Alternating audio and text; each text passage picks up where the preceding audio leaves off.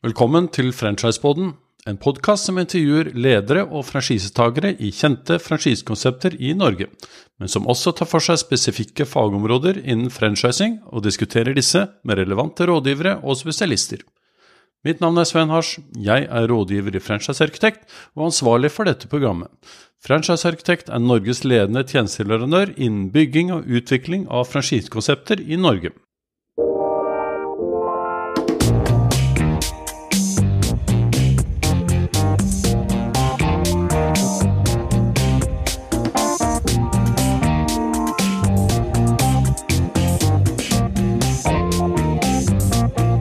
I denne episoden har vi gleden av å snakke med Henning Eriksen, som er countrymanager for brillekjeden Specsavers.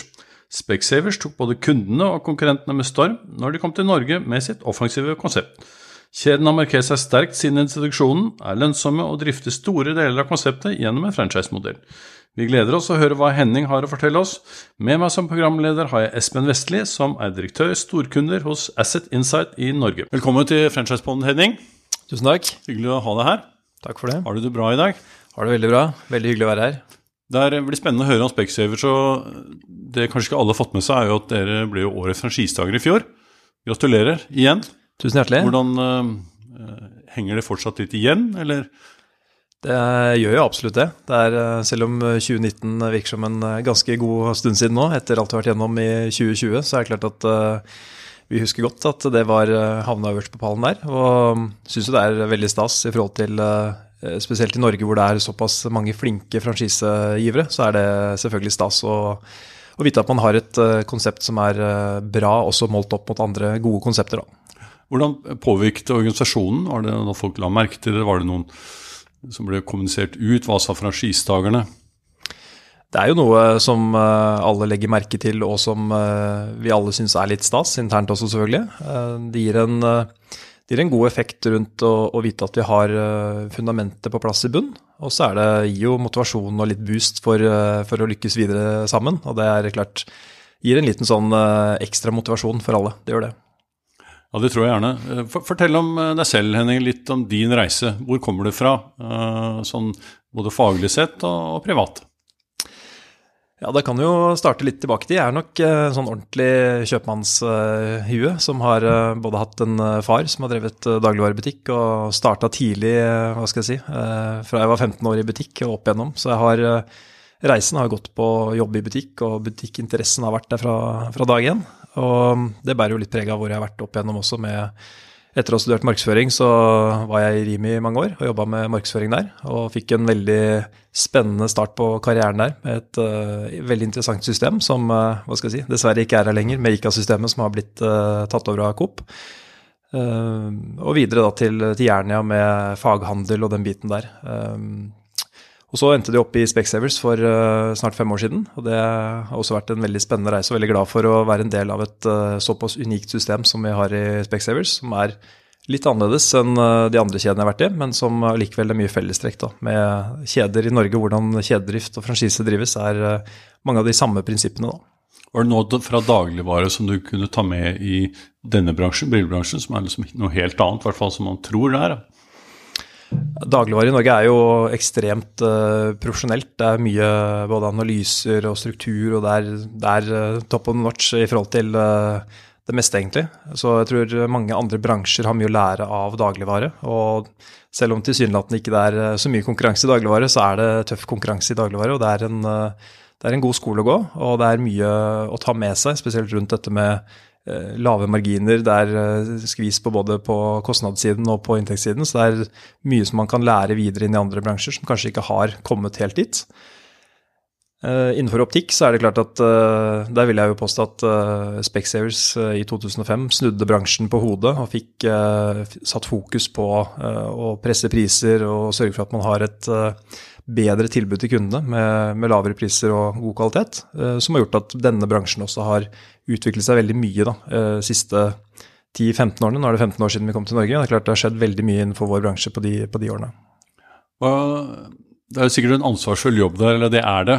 Hva, hvordan er det med fritiden og privatliv? Får du tid til å, å gjøre noe utover jobben? ja, prøve, prøve på det. Det er, eh, Jeg har en uh, ganske sånn uh, tydelig filosofi rundt at uh, hvis man skal lykkes på jobb, så må man også ha et balansert liv sånn ellers, og motsatt. Skal man ha det bra hjemme, så må man ha det bra på jobb. Så det er en helhet som må gå opp. Og jeg tror nok vi alle har best at for balansen på litt fritid og litt jobb, og at man trives med det man gjør. Og har jo også et personlig behov for å holde meg i aktivitet og gjøre litt morsomme ting på fritiden, sånn at jeg får et friskt hode også når jeg skal tilbake på jobb på mandagen. Ja, Det er bra. Og jeg tenker på Som leder, da, så, så man mistenker jo alltid ledere om at de sitter på kontoret med regneark. Eh, hvor ofte er du i butikkene? Er på gulvet, kall det det? Jeg er vel ikke den som er mest glad i regneark heller, så det er helst uh, ute i butikk eller uh, jobbe med andre ting. I butikk, det er, det er, jo sånn at det skulle gjerne vært mye mer ute i butikk. Det er, en, altså på, I en god måned så er det par, tre, fire butikkbesøk nå gjennom siste perioden vi har vært gjennom, så er det klart det litt annerledes når man ikke får reist like mye som eh, tidligere. Det er, eh, men det er noe med å klare å holde kontakten og på en måte være der ute hvor det skjer, da, og få på en måte de impulsene ute på gulvet som er viktig. Og det skulle gjerne vært mye mer, men eh, ambisjonen er alltid der og ønsker alltid å være mer ute i butikk. Henning, kunne du fortalt oss litt om Specsavers, den internasjonale kjeden, og opprinnelsen til kjeden? Absolutt. Det er, eh, det er, jo egentlig ganske spennende historie, syns eh, i hvert fall jeg. Det er, en, eh, det er litt sånn eventyrhistorie rundt uh, gründervirksomhet som, uh, som, starter i det små og blir, uh, blir, noe stort. Og hvis vi går tilbake til 1984, hvor kjeden ble grunnlagt, så var det Doug og Mary Perkins, som begge optikere, og som opplevde at bransjen i England på den tiden var preget av høye priser og lite tilgjengelighet for folk flest. Ehm, og det ønsket de å gjøre noe med, og de ønsket å tilby god kvalitet til, eh, til lave priser for eh, alle. Og det er jo på en måte noe som bærer eh, med oss en dag i dag. Hvordan vi jobber med å sørge for at vi får god kvalitet på produktene, er ledende på det, og samtidig har gode priser for, så at alle har råd og mulighet til å kjøpe produktene. Ehm, så har jo fokus også dreid seg opp igjennom mer på hvordan vi kan ta et ansvar innenfor øyehelse, som er et av de hva skal jeg si, de to områdene vi opererer innenfor. og dette med, En ting er synshjelpemidler, men det andre er jo øyehelsebiten, som er eh, ekstremt viktig. Og Der ser vi nå at vi har eh, utviklet et konsept over eh, de årene som fungerer like bra i England, Australia, Norge og rundt om i verden. Og er nå i, i ti markeder og er markedsledende i de markedene vi er inne i. I forhold til korona, det er jo vanskelig å komme utenom. Eh, hvordan har den krevende situasjonen som Norge eh, påvirket dere som kjede og, og Specsavers-butikkene spesielt? Korona den kom jo hva skal jeg si, ganske brått på når vi, når vi først skjønte hva det innebar. Og vi, eh, Jeg husker godt tilbake til Det var faktisk møtte, møtte jo enkelte av dere på franchisekonferansen også, og det var ikke på ettermiddagen samme dag så måtte vi avlyse vårt årlige seminar og kickoff, som vi kjører for 500 eh, mennesker, som da måtte avlyses som skulle være om to dager. Det var vel først da vi begynte å skjønne at dette kom til å bli eh, store konsekvenser. Vi skjønte at det kom til å endre alle planene våre for eh, de neste månedene. Og det som var interessant, var jo dette at Norge vi var ganske tidlig ute. Og som en del av et stort internasjonalt system så mm, skulle vi gå først, og vi skulle gå først med å stenge alle butikkene og lage rutiner for smittevern og åpne butikker osv. Så, videre. så klart det har jo påvirket oss uh, mye, og det har vært en uh, ekstremt uh, intensiv periode. Men den har også lært oss mye hvordan vi kan løse de utfordringene vi møter sammen, i et, både i den norske virksomheten, men også i, på tvers av bransjen i Norge og i den internasjonale delen av virksomheten.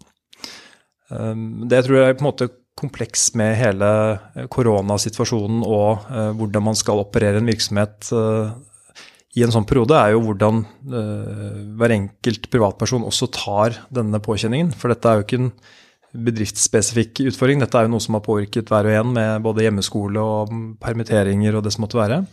Og det ser vi at det har vært en krevende øvelse å på en måte få begge de to tingene til å fungere samtidig, da, med at vi skal kreve veldig mye av alle som skal stå på for å få bedriften gjennom en vanskelig periode, samtidig som man skal ta vare på hver og en og respektere de private utfordringene man står oppi.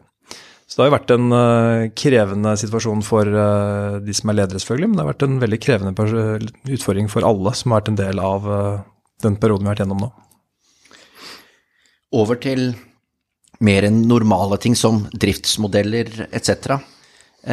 dere har en litt annerledes franchisemodell, eh, hvor vel dere har to konsepter. Kunne du fortalt litt mer om eh, Specsavers sin franchisemodell? Ja, den er, eh, den er, sikkert både annerledes og lik som mye annet. Er, eh, vi har det vi kaller en partnermodell. Som vil si at de, eh, vi har ideelt sett to partnere som eier og driver butikken. Og som på en måte har igjen da to driftsformer som er enten en franchiseavtale, som er godt kjent, som veldig mange bruker. Og så har vi da en joint venture-avtale, som er, og det er egentlig der vi kommer fra sånn internasjonalt, er den modellen. Eh, bakgrunnen for det er at vi mener at joint venture-modellen er en veldig god modell. Og spesielt når det kommer inn på finansiering og den biten her, så er det en, en modell som gjør at det blir enklere for de som ønsker å starte en virksomhet, å komme inn. På franchisesiden så er det klart der har man som sagt en noe mer tradisjonell modell med en sånn femårs franchiseavtale. Du går inn, du må må skaffe finansiering selv, mens på joint venture-avtalen vår så har vi mulighet til å kunne eh, operere mer som bank og ha på en måte finansiell støtte også inn til virksomheten. Men sånn i, i det daglige og driftsmessige oppfølging osv. Så, videre, så er det helt likt. Vi behandler begge modellene helt likt. Og det er sånn i bunn og grunn, hvis man setter eh, litt enkle termer på det, så er det jo også der at eh, de som uansett driftsform, så sitter jo de som driver butikken igjen med overskudd i virksomheten.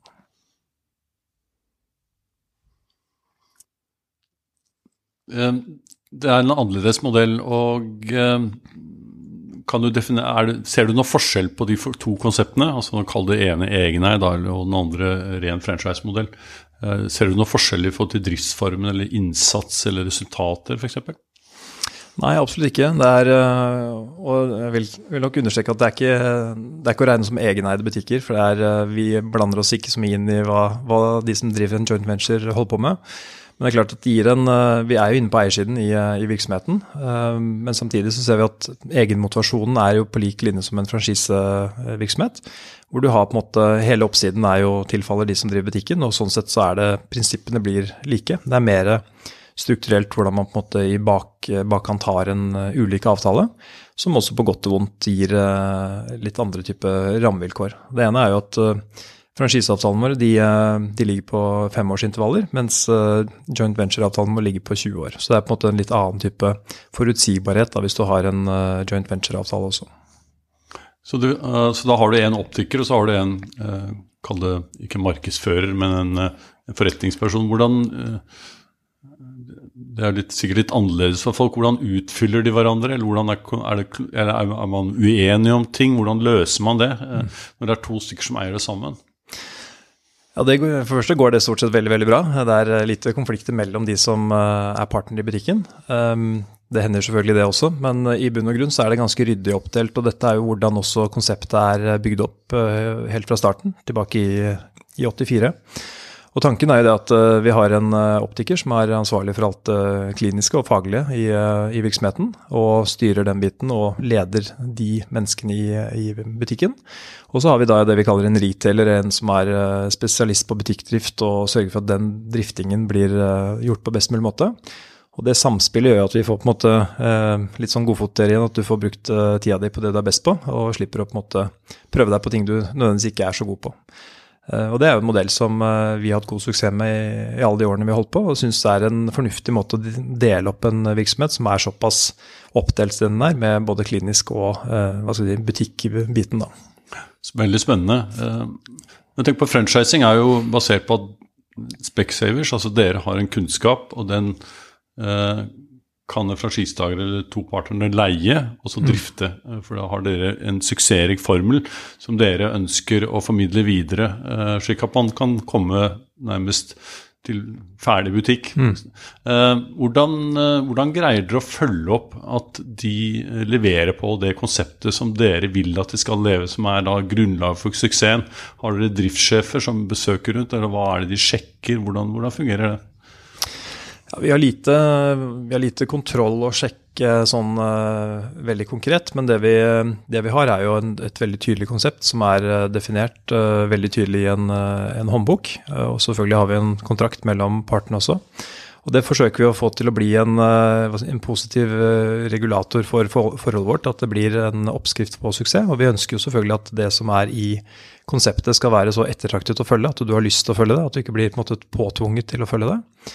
Og så er det naturlig nok en del ting som, som det alltid er i si, i partnerskap. Det er jo litt i og ta. Noe er man kanskje mer enig og glad i, og andre ting er man mindre glad i. Så det vil jo på en måte være en naturlig oppfølging av det.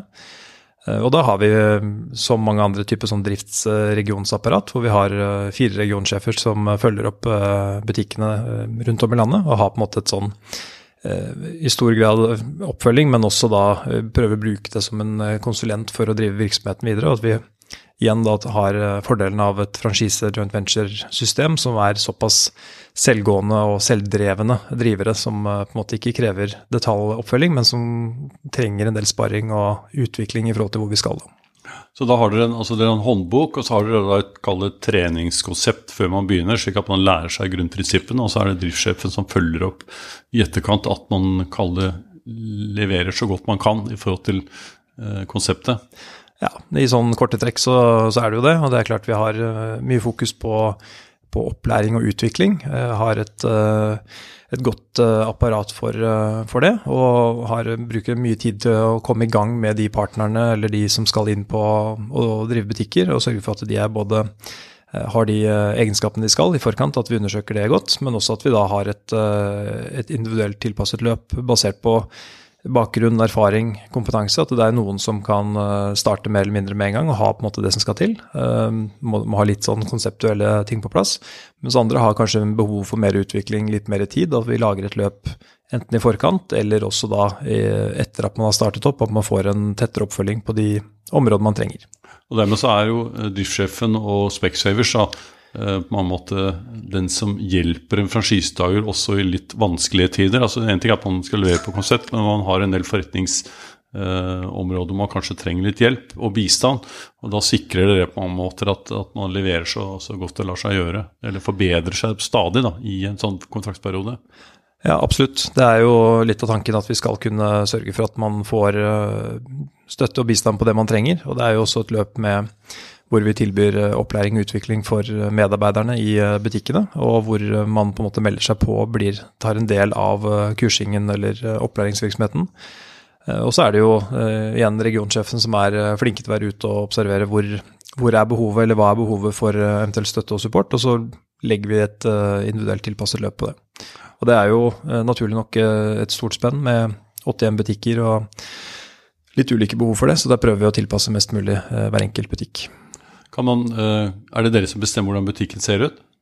Det er det absolutt. Det er, et, eh, klart det er et samspill mellom eh, de som eier og driver butikken, men også det at vi har et vi har nok et ganske stramt konsept som er tydelig på hvordan det skal være. Og det er jo noe vi mener er også en del av suksessen til Specsavers, er jo at det er et, et godt konsept som er velprøvd, men også at det, det er gjenkjennbart. og det er det er ikke så mye rom til individuelle tilpasninger, utover at selvfølgelig man må tilpasse seg de ulike butikklokalene vi er i. Men uh, det skal være et tydelig konsept, og det er uh, tydelig definert hvordan det skal se ut. Du nevnte i stad at det var uh, fem års avtaler på franchisetakerne og ja. 20 år på joint venture. Ja. Er det stor utskiftning i, i kjeden i forhold til partner- og franchisetakere? Det litt, uh, kommer litt an på Gjennom årene så har det jo vært, uh, vært litt utskiftninger, naturligvis. Og det er, det er, jo, hva skal jeg si, enten om det er naturlig med, med generasjonsskifter eller Og vi har en bransje som kanskje har i større grad enn mange andre bransjer. Litt, det går litt i, fra far til sønn osv. på enkelte butikker. Men det er klart at vi vi har eh, så noen som kommer inn eh, på den måten, eller så er det jo også noen som eh, ønsker å gjøre andre ting, som ønsker å selge virksomhetene sine. Og det er en, en veldig positiv prosess med å få da nye drivere inn. Og det er, hva skal jeg si, heldigvis er vi ganske attraktive på markedet, og det virker som at det er mange som har lyst til å komme og, og drive en Specsavers-butikk, så det er positivt. Og, og så selvfølgelig har vi en del nye butikker som vi har åpnet de siste årene, som også har gjort at vi har fått mange nye kollegaer på, på partnersiden. da. Hvordan eh, rekrutterer dere aktivt eh, franchisetakere? Det har vi eh, litt ulike måter å gjøre på. Vi, har, vi, ønsker jo i stor grad å stimulere til intern rekruttering. Altså de som har vært, jobbet i butikken eller har erfaring og ønsker å starte enten overta en butikk eller å starte opp en butikk. Samtidig så ser vi at vi med hell også kan rekruttere både fra konkurrenter i markedet, men også fra andre bransjer som har har eh, lignende, enten da spesielt på retail-siden, hvor du på en måte kan komme inn og ha eh, mange fordeler og ha litt erfaring fra andre bransjer som har litt andre styrker enn det, enn det vi har, og kanskje har kommet lenger på enkeltområder enn det, enn det vi gjør. I de tilfellene hvor dere ser etter en retailer og en optiker, mm. eh, hvordan rekrutterer dere og, og parer de, holdt jeg på å si? Ja, det er jo, som du sier, det er matchmaking, så det er, litt, eh, det er alltid litt spennende. For det er klart at du skal få to personer som eh, aldri har møtt hverandre før, til å drive et konsept de kanskje aldri har drevet før. Eller kanskje den ene har drevet det, men den andre ikke har drevet det. Og så skal man eh, inngå et, eh, et langt partnerskap, kanskje for resten av livet, eller arbeidsaktive liv. Så her er det virkelig, virkelig viktig å bruke tid og sørge for at man får en god matching i forkant. Og sørge for at det er er to parter som ønsker å samarbeide, og selvfølgelig at vi ønsker å samarbeide med de to partene også. Så det er, en, eh, det er en, prosess som kan eh, potensielt ta litt tid, men det er også en prosess som innimellom bare har vært eh, hva skal jeg si, kjærlighet ved første blikk, og det er blitt full klaff. Men det er, det er en, et eget apparat også som jobber kun med rekruttering, og sørger for at vi får da riktige drivere til de riktige butikkene og, og matcher disse som skal drive sammen. Da. Mm.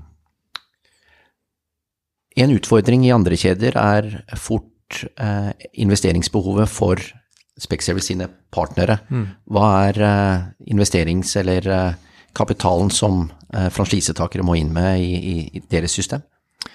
Det er, det er, veldig vanskelig å svare på, for det er et i vår virksomhet så selger vi, eller ikke vi, de som eh, eier butikkene, de selger også virksomheten videre basert på hvor eh, lønnsom virksomheten har vært de siste årene. Så man har på en måte et, eh, en verdi som er litt ulik fra punkt til punkt. Og det kan være alt fra veldig mange millioner, ut fra at det er en veldig godt drevet butikk som har veldig god lønnsomhet og sitter med mye penger, Eh, eller det kan være en butikk som ikke koster så mange hundretusene, for at det er ikke lønnsomt i utgangspunktet. Nå har vi ikke hatt så mange av de, men eh, i teorien så kan det også være tilfellet. Så det er, et, eh, det er, et, spenn, og det er på en måte kanskje det som gjør at vi også opplever at modellen er attraktiv, er jo at man underveis skal tjene penger og på en måte gjøre det godt, men også da når man på et eller annet tidspunkt ønsker å gi seg og ønsker å selge virksomheten videre, så skal man kunne selge da en, eh, til en hyggelig pris og gjøre en god fortjeneste hvis du har drevet godt i de årene du har, har holdt på. Av erfaring så ser vi at eh, andre kjeder kan finne gode franchisetakere, men at de sliter med å få nødvendig backing, kapital fra f.eks. banker. Mm. Er det en utfordring i, i Specsavers sitt system?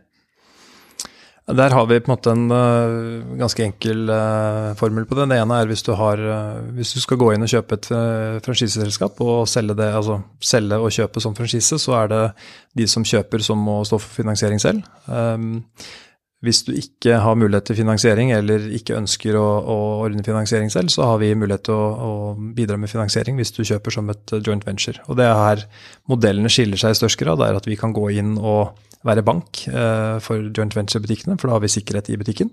Mens på franchisevirksomheten så har vi jo samme utfordring som mange andre, med eh, hvilken sikkerhet man egentlig sitter igjen med eh, i et franchiseselskap.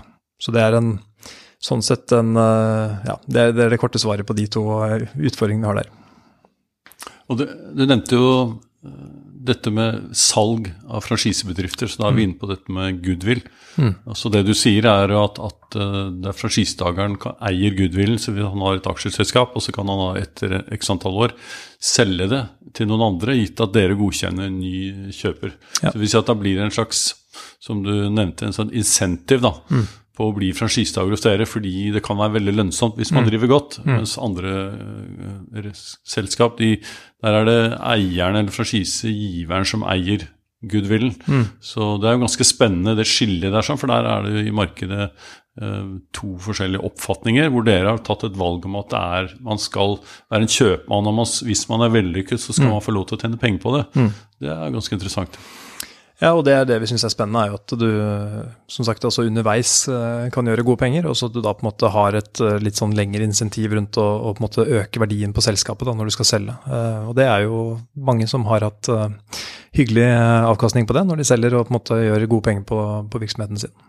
Hvordan beregner man franchiseavgift? Altså det er jo litt forskjellige Vanligvis er det en prosent av omsetningen i og noen har hvor er bruttofortjeneste som er utgangspunkt for beregningen. Hvordan er det hos dere? Ja, vi har uh, også særlig topplinje uh, franchiseavgift som baserer seg på, på, det. Og det er klart vi har en bransje som, uh, som har litt annen sammensetning i forhold til marginer osv., som er litt sånn i ja, høye marginer, men litt mindre omsetning enn mange andre bransjer. Så den, den er jo en prosent av topplinjen. Det er godt unna dagligvare, regnestykket? Det er et veldig langt stykke unna dagligvare, det er helt riktig. Det er, men det er volumene også, da, og salgsinntektene. Det er uh, også et uh, godt uh, stykke unna. Men allikevel, tenk på dette med hyllevarmere, da, som er jo veldig opptatt av i dagligvare. i hvert fall. Mm. Så omløpshastigheten er sikkert like viktig hos dere, men dere tjener veldig mye penger per brille. Det er det du sier?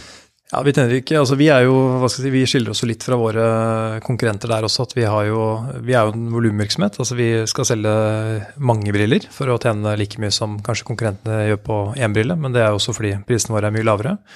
Eh, og så har vi jo på en måte, vi er litt sånn on demand-virksomhet. Vi har jo ikke, vi har utstilte produkter i butikkene, men alt er jo, er jo spesial produsert, basert på den kundens eh, syn og hvordan de ønsker å ha hvilke briller osv. Så, videre.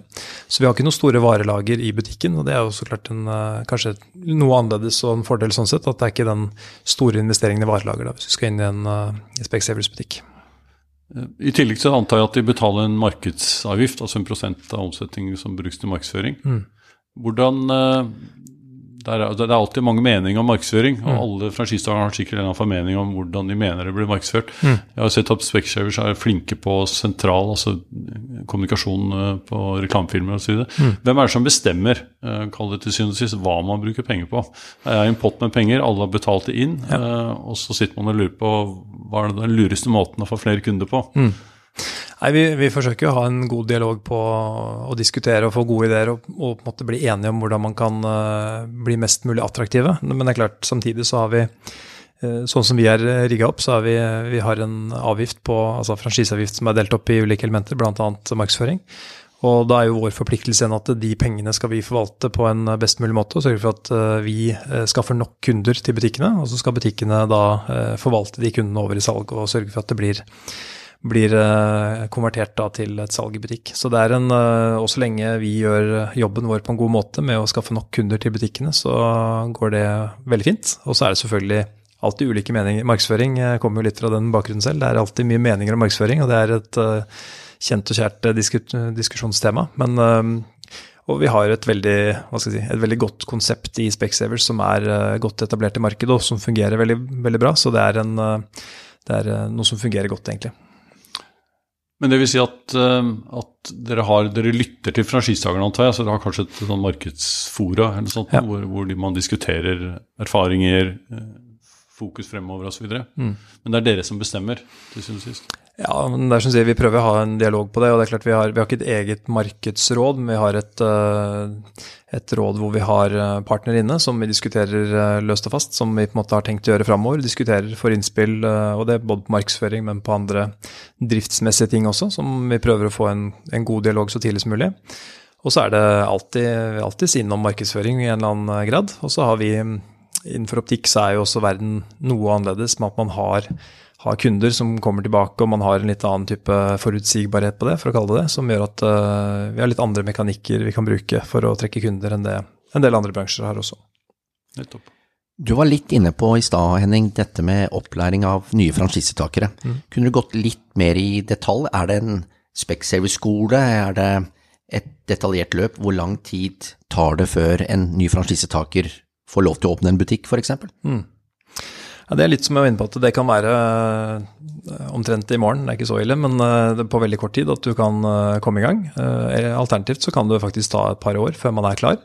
Og det er jo noe vi ser på som vi kaller ja, på godt norsk så blir det partnerutvikling, som er et løp som går på at vi, vi, gjør en kartlegging på hva man har av bakgrunn og kompetanse. Og så ser vi på hvilke altså moduler vi ønsker å tilby for å sørge for at man er godt skodd for å kunne lykkes da, som partner i Specsavers.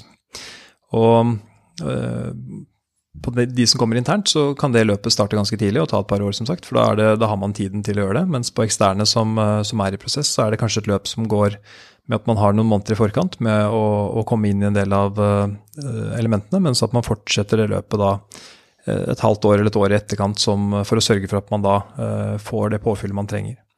Og da er det jo Vi har ikke et, en skole, men vi har et akademi, da, som vi kaller det. Som på en måte består av alt fra introduksjonskurs til mer hva skal si, mer ledelse og den biten der, og på økonomi og hvordan man skal styre en virksomhet som er ja, litt sånn ulike moduler, da.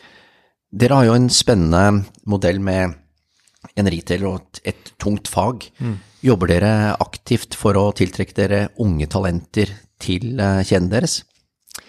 Det gjør vi, og vi har kanskje vært uh, flinkest på, på optikersiden, hvor vi har et veldig godt uh, både samarbeid med universitetet, som utdanner optikere i Norge, men også da å, å, kunne gjøre aktiviteter i bransjen som f.eks. vi har en klinisk konferanse hvert år som vi på en måte inviterer hele bransjen, alle kjedene, inn på, og sørger for at vi da på en måte får, får drevet faget fremover.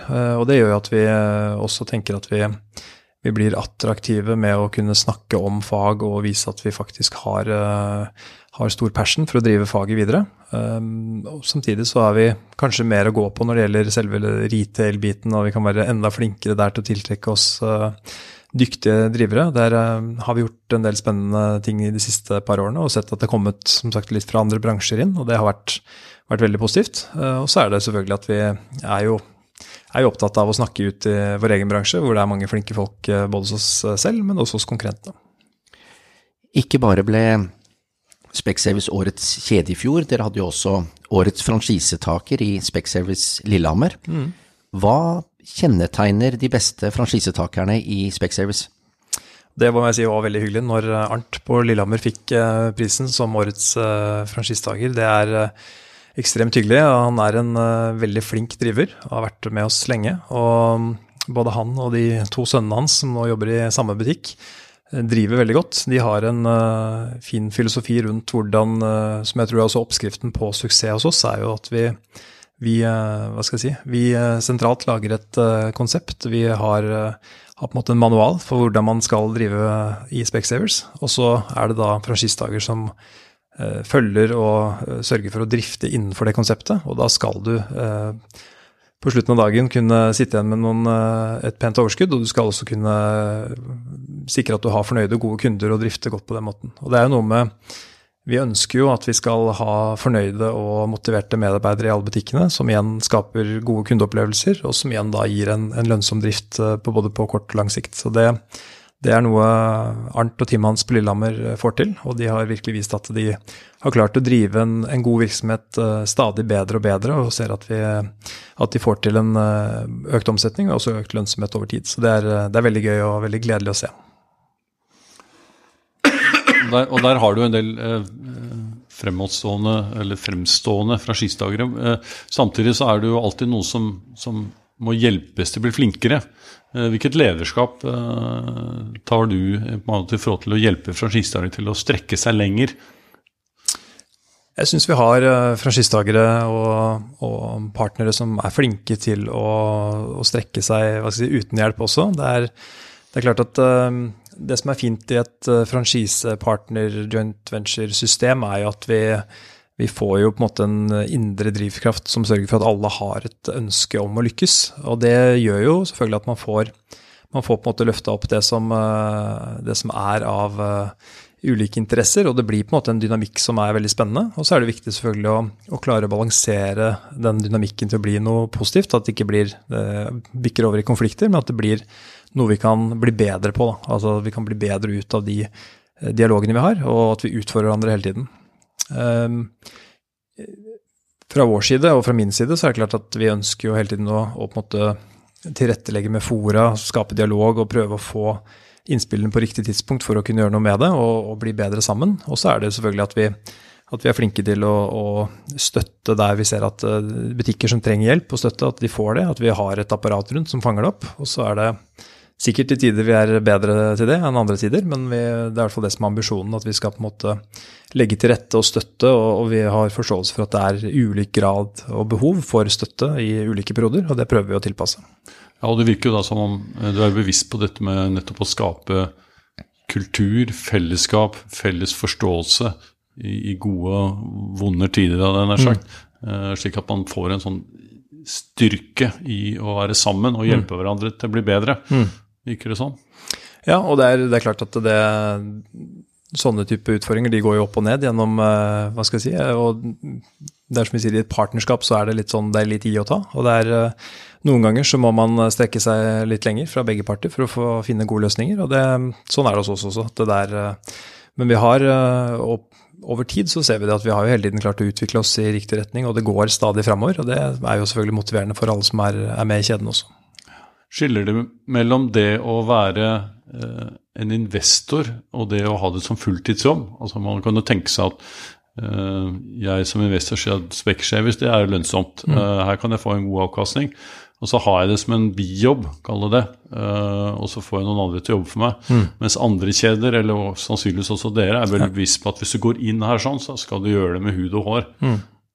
Ja, det er, eh, det er, egentlig veldig tydelig hos oss at det er ikke noe, er ikke noe deltidsjobb å være partner eller uh, hos oss. Det er, det er absolutt uh, noe du må gå inn med, med, hele deg. og så Sånn sett så er det, ikke, det er ikke mulig å være investor i en butikk. Du må jobbe i butikken, og du må være aktiv i den daglige driften. Da. Så det er en, på en måte en forutsetning som vi har, at du er, til stede og har faktisk en, si, en daglig virksomhet i, i butikken. Da.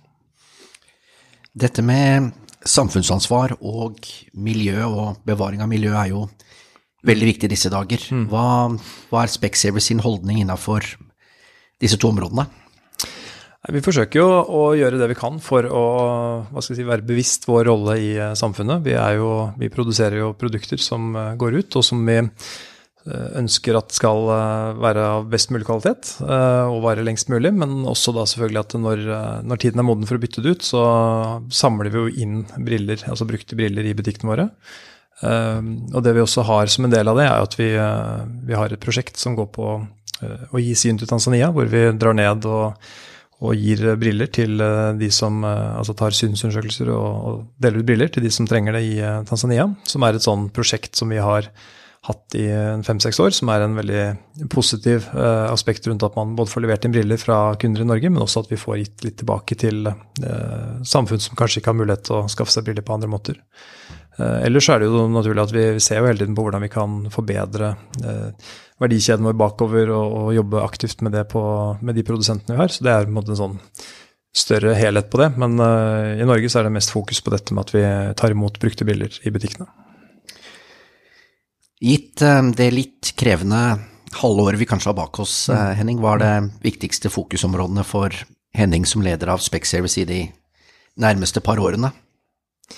Ja, De neste par åra har jeg nesten ikke turt å tenke på ennå, for det har vært så mye, mye sånn på kort, uh, kort, sikt nå. Men vi ser jo nå at vi begynner å komme oss litt til hektene igjen. Og vi har måtte, samtidig som vi har vært gjennom det vi har vært gjennom, så har vi prøvd å ta med oss lyspunktene. og Det er jo det at vi ser at vi har et utrolig samhold i kjeden. Og vi ser at vi har et utrolig godt apparat totalt sett, både i butikkene, men også i, på servicekontoret vårt. Og Eh, og framover nå så blir det jo enda viktigere enn noen gang, tror jeg, at vi, vi, klarer å skape mm, engasjerte, motiverte medarbeidere. At alle føler og kjenner på det med å være en del av noe litt større.